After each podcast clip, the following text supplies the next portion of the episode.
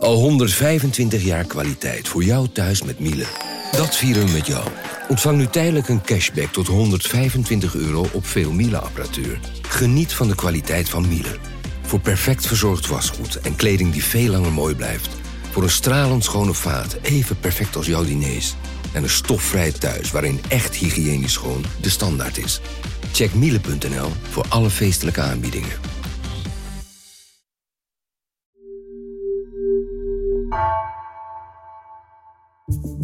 Vanaf de redactie van NRC het verhaal van vandaag. Mijn naam is Egbert Kalsen.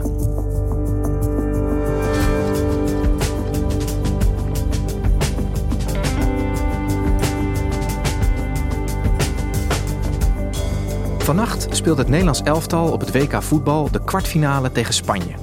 Na een paar moeilijke jaren probeert bondscoach Andries Jonker met een gemixt team en een nieuwe strategie Nederland weer naar de wereldtop te brengen.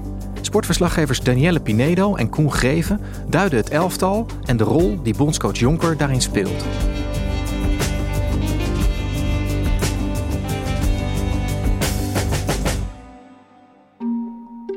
Het WK voetbal is inmiddels in volle gang. Nederland heeft net eh, de kwartfinale gehaald. En dat hebben ze gedaan door drie groepswedstrijden heel goed te spelen. Om te beginnen tegen Portugal. Nederland doet wat het heel, heel graag wilde doen tegen Portugal. Winnen. Vervolgens gelijk gespeeld tegen de wereldkampioen, de Verenigde Staten. That one into the near post by Van Domselaar. And we're knotted up 1-1 en met grote cijfers gewonnen van Vietnam. De grootste overwinning van Oranje Vrouwen op een WK voetbal ooit. De wedstrijd een zevenklapper. En vervolgens zijn ze naar de achtste finales gegaan en daarin wonnen ze van Zuid-Afrika met 2-0. The Netherlands, whose dreams of going one step further are still alive. Het is best uh, verbazingwekkend dat het zo goed gaat, want de afgelopen jaren heeft Nederland in een behoorlijke dip gezeten. Ze hebben het een aantal jaren heel goed gedaan. Maar Nederland viel sportief gezien uh, best wel ver terug. Ze hebben twee toernooien, grote toernooien, heel matig gespeeld. Maar het lijkt erop dat de nieuwe bondscoach Andries Jonker ervoor zorgt dat het weer behoorlijk goed loopt bij Nederland. En ik was eigenlijk wel benieuwd van hoe is dat zo gekomen? Wat is zijn recept? Ja, je schetst het eigenlijk al een beetje. Het waren jaren met vele hoogtepunten, maar ook wel dieptepunten voor het Nederlands vrouwenelftal. Zou je mij eens even mee kunnen nemen? Wat is er allemaal gebeurd? Waar komt dit team vandaan? Ik denk dat de basis voor het succes nu werd gelegd in 2009 al. Dat klinkt wat langer geleden.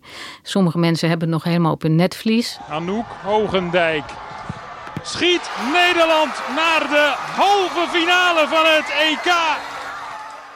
Toen heeft Nederland in Finland de halve finale bereikt met Vera Pauw samen.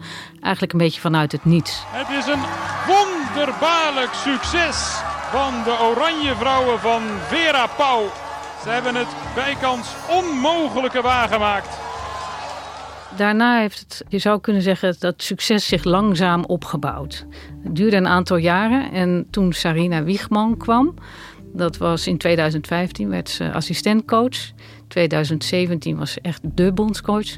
Toen begon zij dat succes uit te bouwen binnen hele korte tijd.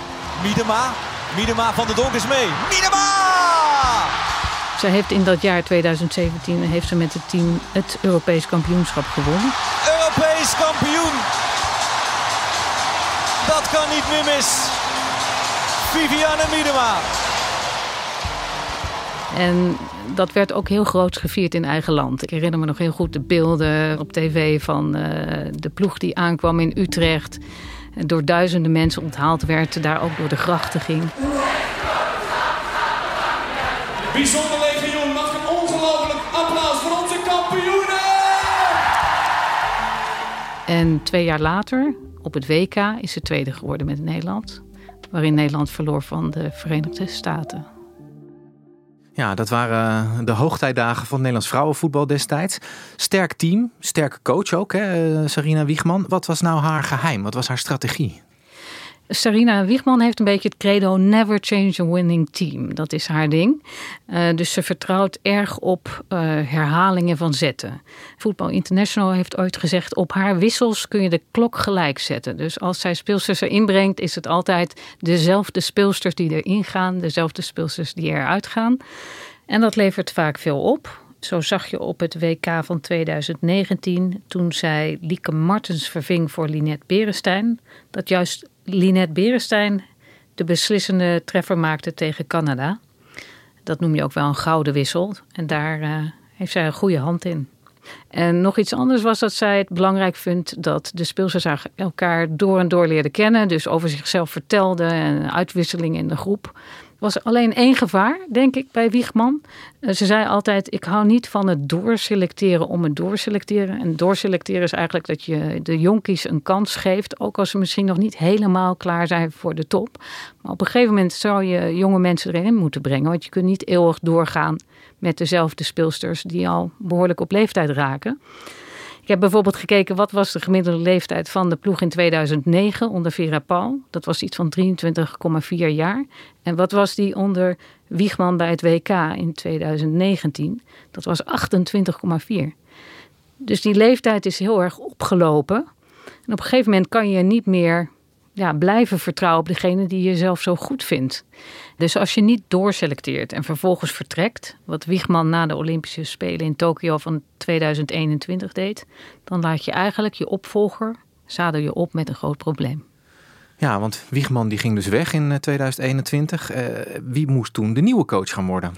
Ja, de KNVB heeft voor mijn gevoel een beetje de hand overspeeld. In die zin dat ze zeiden: wij willen een Sarina Plus als opvolger ja, wat is een Sarina Plus? Dus dat moet iemand zijn die meer bereikt dan EK-kampioenschap en uh, tweede plaats op een WK. Wat volgde was een hele lange zoektocht. Dat duurde geloof ik wel acht maanden. Waarin we niks hoorden en allerlei namen rondzongen. Uh, waaronder Louis van Gaal, waaronder Jill Ellis, de oud-coach van de VS. Waaronder Arjen Veurink, de assistent van Sarina Wiegman bij Nederland. Maar er gebeurde maar niks en het duurde maar. En het zorgde voor onzekerheid, ook bij de speelsters. En op een gegeven moment kwam het hoogtewoord eruit. Het Nederlands elftal voor vrouwen heeft een nieuwe bondscoach. Na de Olympische Spelen neemt de Engelsman Mark Parsons het over van Sarina Wiegman. Parsons is nu nog coach van de Portland Thorns in de sterke Amerikaanse vrouwencompetitie. Mark Parsons, bleek een coach te zijn in de Verenigde Staten, een clubcoach. Dus hij had nog nooit een nationaal team gecoacht. En dat was ook wel een beetje een manco, want hij had die ervaring niet. En het was een heel ander mens ook daarnaast dan Sarina Wiegman. Ja, want zag je dat gebrek aan bondscoachervaring, zag je dat gelijk terug toen hij de leiding overnam van Wiegman? Nou ja, wat mij wel opviel is dat hij een overeenkomst met de KNVB maakte. Dat hij aanvankelijk een aantal maanden een duobaan had. Dus zowel coachen in Amerika als coachen bij Oranje. I have to stay focused on day by day. I have a few more 5 a.m. Uh, mornings than I used to, to, to get some hours in before my working day in the US begins. Ja, ik zie dat een beetje als uh, onderschatting van de job. En misschien is dat ook wel deels omdat hij dat nog nooit uh, gedaan had. En wat veel speelsters irriteerde, dat hij een beetje een kletsmajor was. Dus hij hield ellenlange betogen. Wat voor indruk maakt hij op jou als persoon? Wat voor man is het als je moet beschrijven? Uh, rustig, maar tegelijkertijd praat hij echt heel erg veel. En wie bijvoorbeeld ook niet al te blij was met Parsons, denk ik, is Lieke Martens, de spits van Nederland. Die daartegen zei Mark Parsons, nou ik vind eigenlijk dat je niet alleen moet aanvallen, maar ook verdedigen. Ja, dat ik uh, aanvallend uh, me nog weinig acties heb kunnen maken, ja, vind ik zelf ook heel erg jammer. Maar wat er van mij gevraagd wordt, uh, ja, dat probeer ik te leveren. En uh, verdedigend kost me gewoon heel veel energie. Hij had dat in zijn hoofd, dat was het systeem. En binnen dat systeem moest zij passen. Beetje rigide zou je kunnen zeggen. Uh, waardoor zij niet helemaal tot haar recht kwam. Nou, dat klinkt niet echt alsof die Parson heel veel positieve invloed gehad heeft op dat team. Ja, een aantal dingen uh, was gewoon onvertuidelijk. En een aantal dingen had te maken met zijn cv of met zijn persoon.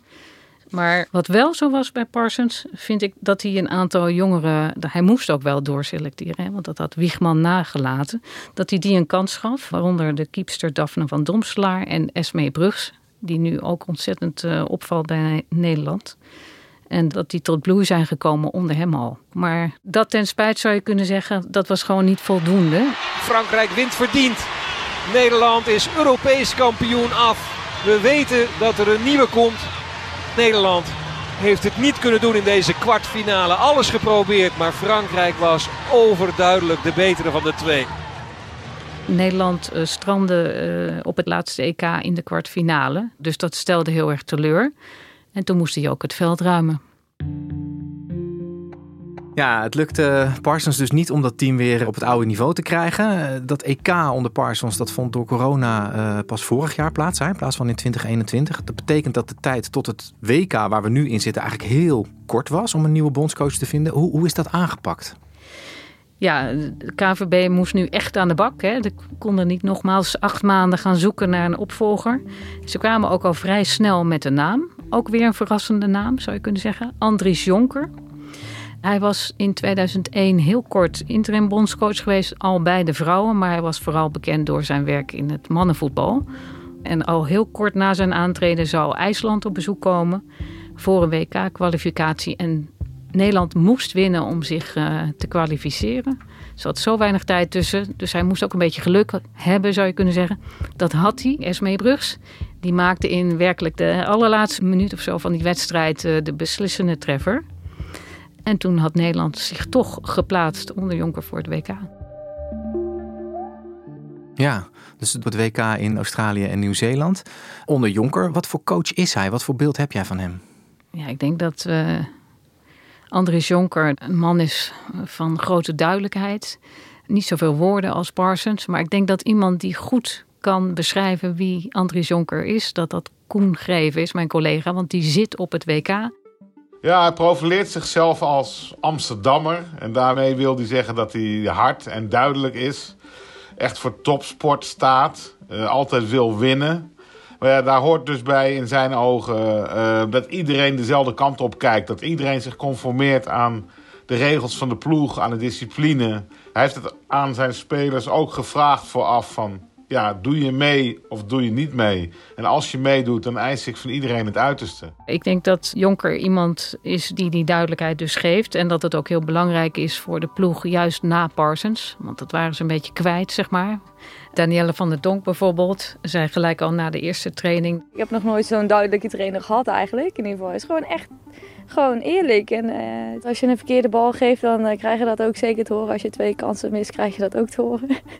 maar ja, het, is, het zijn geen verkeerde dingen die je hoort, weet je wel. Je moet even terug naar de basics en uh, ja, dat doet hij.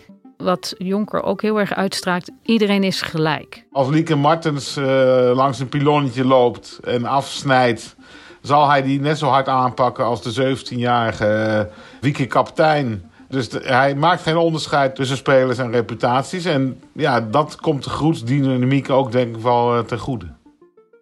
Ja, een duidelijke taal met duidelijke verwachtingen ook naar de spelers toe. We hadden het erover dat, dat Sarina Wiegman ervoor had gekozen om niet door te selecteren, hè, zoals jij dat zo mooi zei. Hoe is Jonker daarmee omgegaan?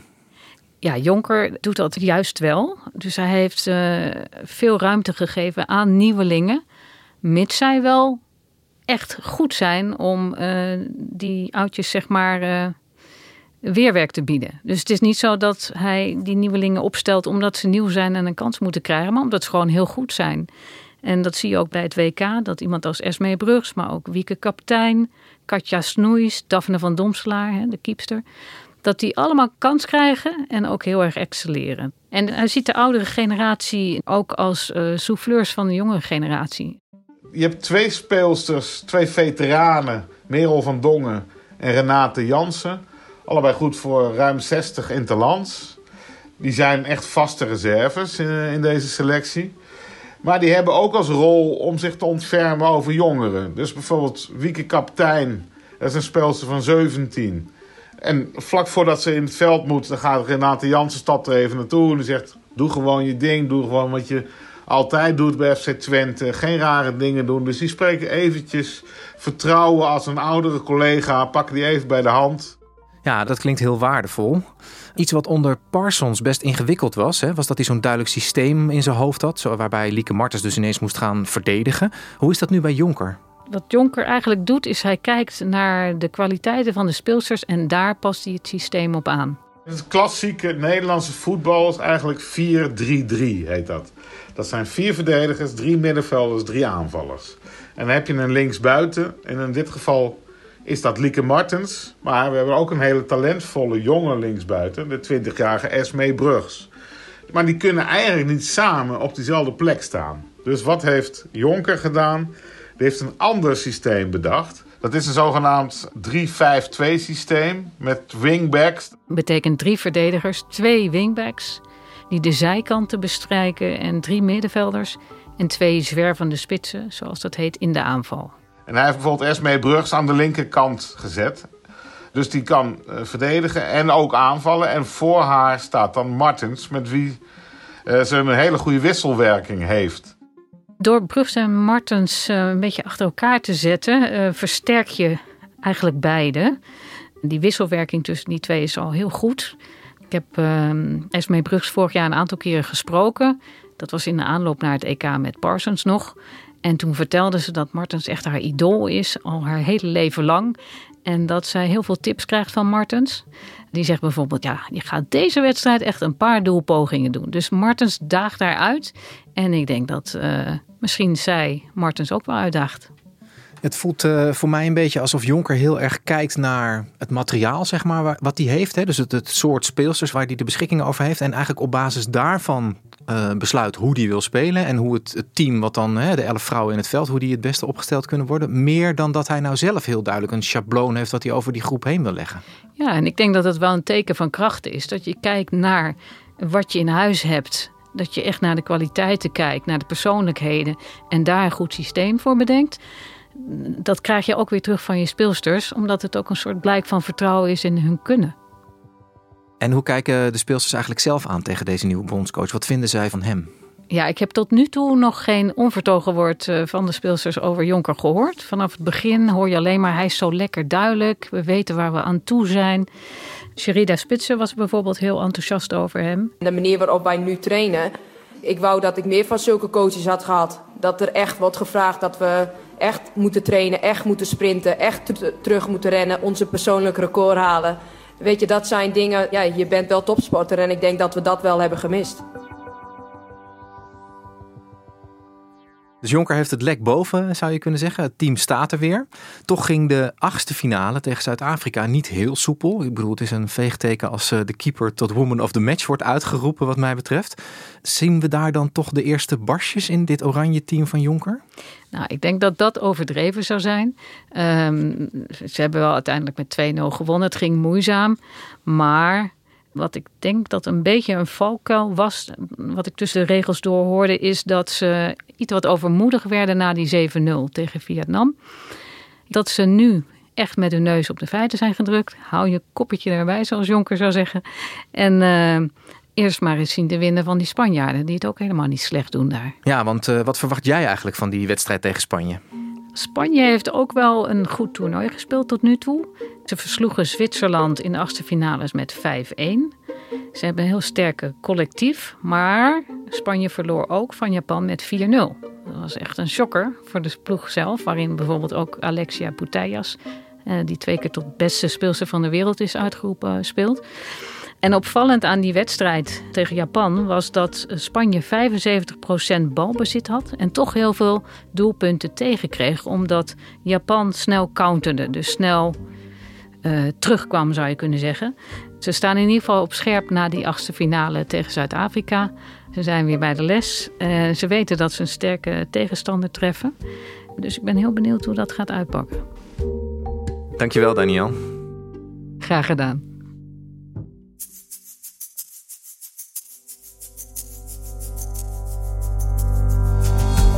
Je luisterde naar vandaag, een podcast van NRC.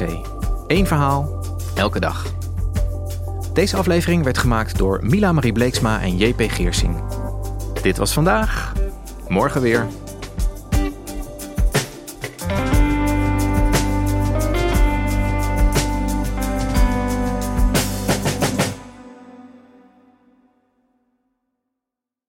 Voorkom dat je vermogen verdampt op je bankrekening. Beleg bij Bridgefund in kortlopende leningen aan Nederlandse MKB'ers. Inleg vanaf 100.000 euro en rendement tot wel 5,25% per jaar.